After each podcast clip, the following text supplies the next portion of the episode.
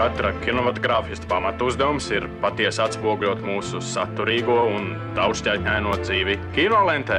Izceļot tipisko un izlaižot mazsvarīgo, akcentējot panākumus un nenoklusējot dažkārt sastopamus trūkumus. Balansējiet, nu godājiet vēseli inženieri starp pienākumu un varēšanu. Pie jūras klimats par kino. Esiet sveicināti pie jūras klimata klausītāji! Viens no lielākajiem un nozīmīgākajiem Eiropas kinofestivāliem Vācijas galvaspilsētā notiekošā Berlināle šogad sekojusi citu festivālu piemēram un nošķīrusi industrijai veltītās aktivitātes no publiskās programmas. Marta pirmajā nedēļā pie saviem datoru un projektoru ekrāniem pulcējās kino veidotāji, producenti, izplatītāji, festivāla veidotāji un žurnālisti, lai kopīgi veidotu pirmizrādīto filmu tālāko gaitu stratēģiju. Savukārt jau jūnija sākumā paredzētas plašas kino skates Berlīnas kinoteātros, kā arī pilsētvidē, kas varētu būt visai patīkams piedzīvojums jūnija vakaros. Jau pāris dienas pirms Berlīnas kinotirgus man bija iespēja virtuāli sarunāties ar Encounters konkursa skatē iekļautās filmas Asins sūcēju režisoru Julianu Radlmājeru. Mūsu saruna, ko dzirdēsim šīs dienas raidījumā, bija atkal redzēšanās, ne iepazīšanās. Jo 2017. gadā režisors viesojās Rīgā, lai prezentētu skatītājiem Rīga IFF filmas konkursā iekļauto filmu Buržuāzijas aprindu suņa paškritika, kurā kāds neatzīts kinorežisors pārtaps par cēlu kurtu, gremdējis atmiņās par iefiltrēšanos ābolu vācēju rindās, lai veiktu fiktīvu izpēti komunismu ideoloģijā sakņotai filmai. Savā jaunākajā filmā Asins sūcēji jaunais vācu režisors kā stāsta izējas punktu izmantojis mazzināmus, bet gana intriģējošus faktus par kādu neprofesionālu aktieru no Sergeja Eizensteina filmas Oktobris strādnieku pulciņš, kas cītīgi studē Kārļa Marksa kapitālu, aristokrāti vampīri, kas sūdz darba ļaužu asinis, bēgaļojošs aktieris Zobārsts, ko dēļā mužniece Flambova Jansena iesauc par ļovušku, par godu viņa atveidotajai Ļeva Trotska lomai Eizensteina filmā. Radlmaiera tēlu pasaule ir asprātīgs un rūpīgi veidots Eiropas pagātnes un tagadnes savijums kino un mākslas vēstures studijas Berlīnē un Parīzē, pieredze, kas iegūta pildot ievērojamā vācu kino režisora Wernera Šrētera asistenta pienākumus, kā arī tulkojot franču filozofu Žaka Ransjēra tekstus, ļāvušas Radlmairam izkopt filmu veids rokrakstu, ko raksturo mūsdienās reti sastopams, intelektuāli uzlādēts eiropeisks humors. So Uh, Asinssūcēju pirmajā epizodē neliela strādnieku un laukopju grupiņa analizē Kārļa Marksa kapitālu. Kad jums radās interese par tēmām, ko redzam jūsu filmās - šķiru sabiedrību, komunismu, Marksa teorijām, vai jau pirms Žakarans jēra darba tulkošanas, vai arī tas bija savstarpēji saistīts? It's connected in a way. So, um, Uh, yeah, because, because when I, I worked on this, these translations. Savā ziņā tas bija saistīts, kad es strādāju pie Ransie tulkojumiem. Viņš ir ļoti netradicionāls, varbūt izbijis marksists, tomēr nedomāju, ka Ransie pats sevi sauktu par marksistu. Mani sāk aizraut viņa idejas, jo tās piešķīra jaunu perspektīvu sabiedrībai, kurā mēs dzīvojam. Manas filmas nekādā ziņā nav marksistu ideju propaganda vai kas tam līdzīgs. Tomēr tajās ir dialogs ar šīm idejām, meklējumi, kas no tā joprojām varētu būt interesants, kā arī mana personīgā pieredze. Pirmais vēsturiskais notikums, ko atminos no savas bērnības, bija Berlīnas mūra krišana, un pēkšņi manā pilsētiņā ieradās daudz ļaužu no Austrumvācijas, kā arī citām Austrumu bloka valstīm. Mani vecāki kādu laiku pie sevis apmaiņas programmas ietvaros uzņēma žurnālistu no Ukrainas, un šī sociālistisko valstu vēsture mani tolaik mazu būdam ļoti interesēja.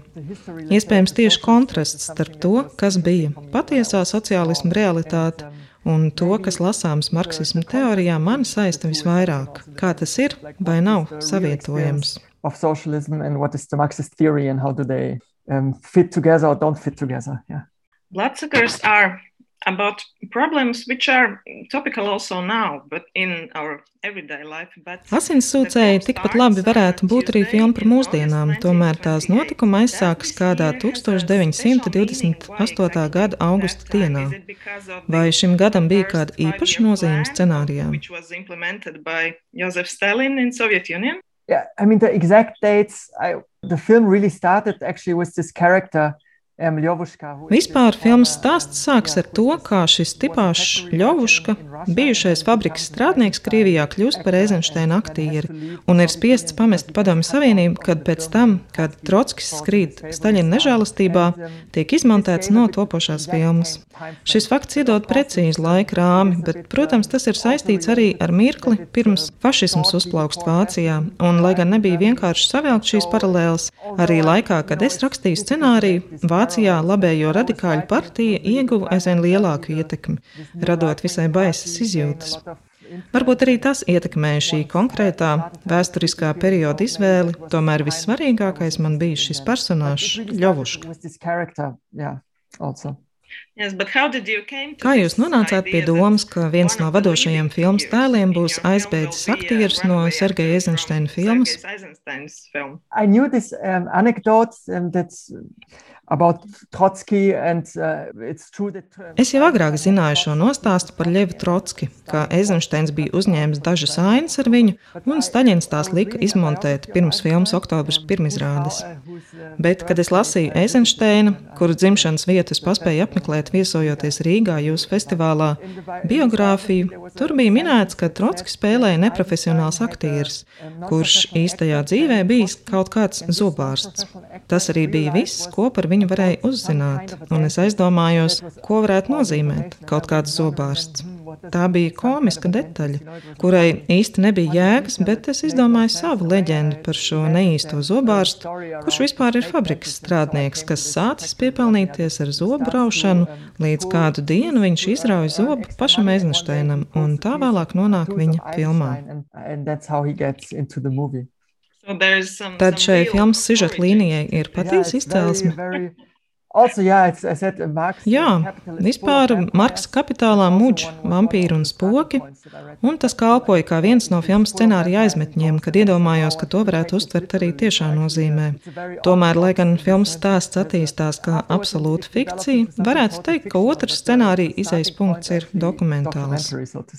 Jūs esat nepiespiest historical apvienojis and vēsturiskās un mūsdienīgās detaļas filmā, both in gan costumes kostīmos, and gan scenogrāfijā. Kāds bija jūsu nolūks izvēloties šādu pieeju? I think there was maybe three reasons. The first one was that I was it felt tiresome to make this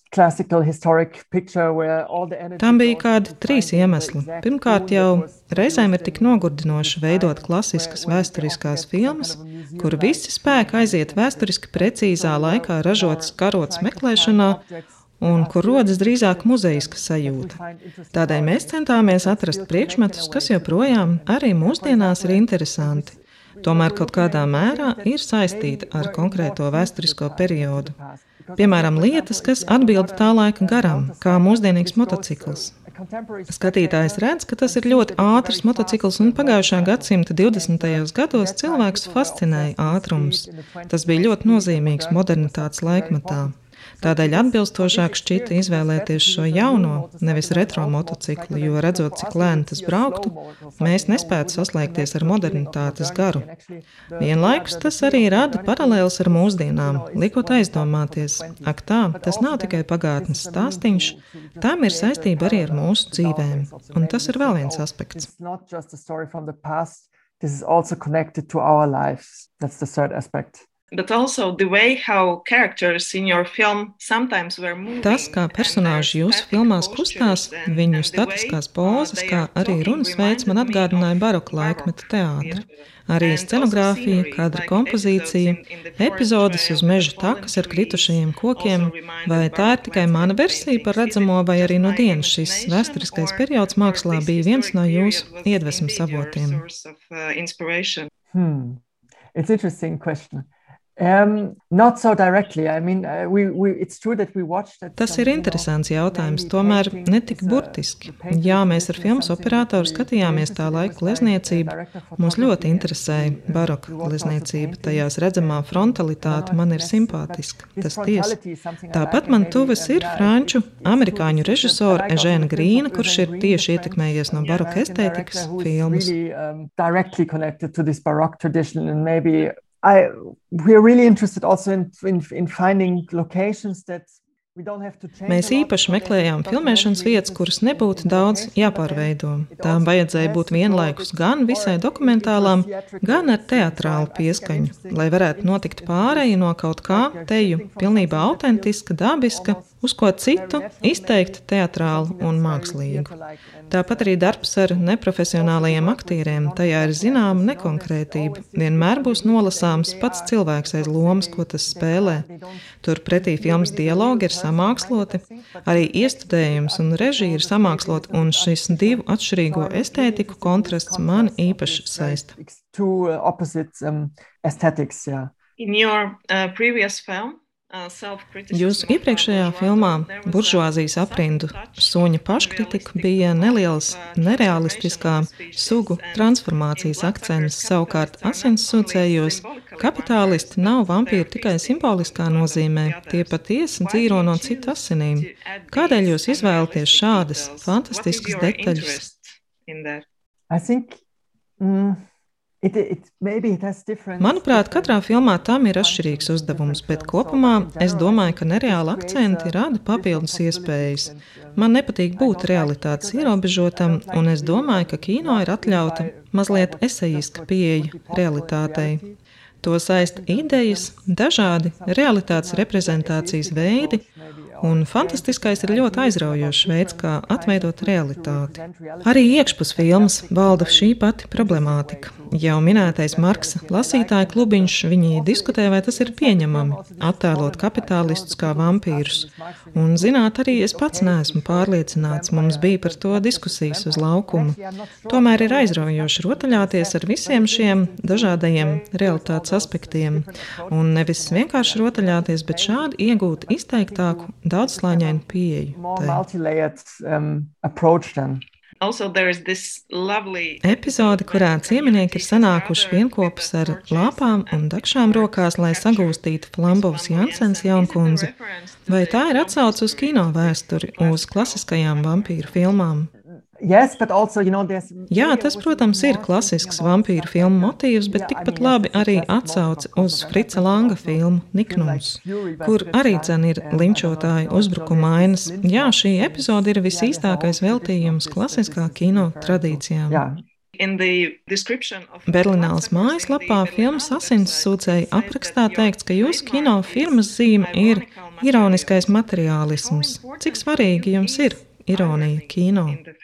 it's hard for me to um, say if it's ironic because ironic implies i mean it's ironic but it's maybe not in the sense that um, sometimes people think it, Grūti pateikt, vai tā ir oh, tieši ironija. Dažreiz cilvēki uzskata, ka serious, ironija not tas ir kaut kas nenopietns, the nesvarīgs.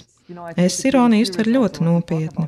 Tā nav tikai veids, kā padarīt visu vieglāku, maznozīmīgāku.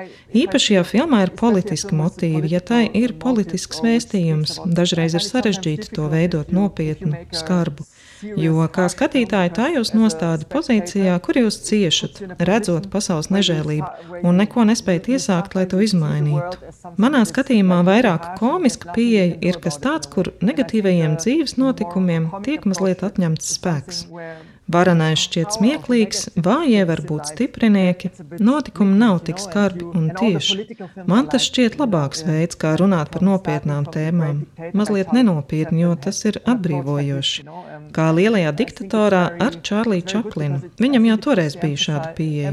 Un, manuprāt, tas ir ļoti labi, jo akcents tiek likts nevis uz skatītāju neaizsargātību, bet gan tā potenciālo inteliģenci, pieņemot, ka skatītājs spēs filmu lasīt, paspēlēties ar doto. Tāpat arī, runājot par smiekliem, ir dažādi veidi smiekli. Ļaunie, kā nacistu karikatūrās, un arī graujošie, labie, tie, kurus es vēlos panākt.